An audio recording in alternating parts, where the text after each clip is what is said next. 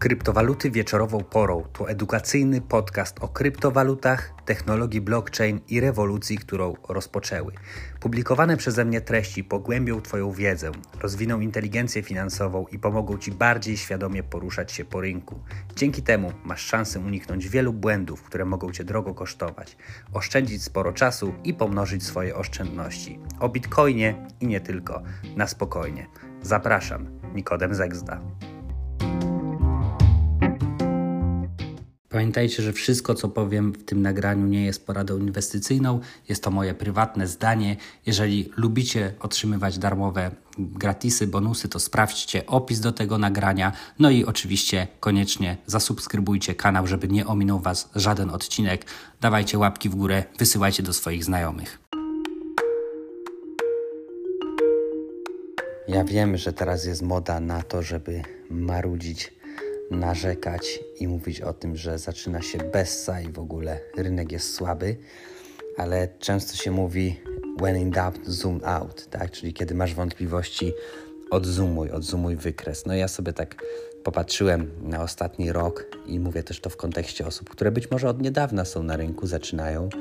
Oczywiście jest inny moment rynkowy, Natomiast, tak jak wspominałem w poprzednich odcinkach, raczej nie wygląda na to, żeby to był koniec hossy.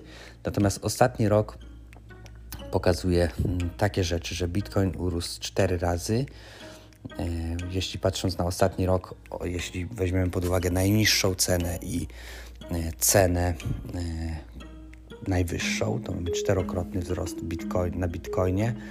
Ethereum 10 razy, Cardano 25 razy, BNB 26 razy, XRP 11 razy, DOT 6 razy, y, DOT, tak, Polka DOT, DOT 200 razy, Solana 100 razy, więc generalnie i to mówię teraz y, po tych spadkach, które się ostatnio wydarzyły, więc cały czas jest dobrze. I myślę, że warto po prostu pamiętać w długim horyzoncie y, o tym, że to jest rynek, który się dopiero rodzi, który dopiero powstaje, który tak naprawdę jest w pewnym sensie w powijakach. Oczywiście powiedzmy, że hossa jest gdzieś tam, jeżeli te cykle by się powtórzyły mm, podobnie jak to się działo wcześniej, czyli te mniej więcej co, co 4 lata jesteśmy w tej samej fazie mniej więcej cyklu, no to by oznaczało, że już jesteśmy mm, na końcówce hossy, ale cykle się spłaszczają i cykle się wydłużają i wygląda na to, że e, po prostu e, to nie będzie tak jak 4 lata temu, że listopad, grudzień pompa do góry, po czym spadki, no jeszcze styczeń była końcówka, końcówka mocnego alt season, tylko prawdopodobnie to się wydłuży, więc z jednej strony pamiętajmy o tym, że dłuższy horyzont, drugi to, że coś się działo historycznie nie znaczy, że będzie się dokładnie tak samo działo, ale prawdopodobne jest, że tak się może wydarzyć.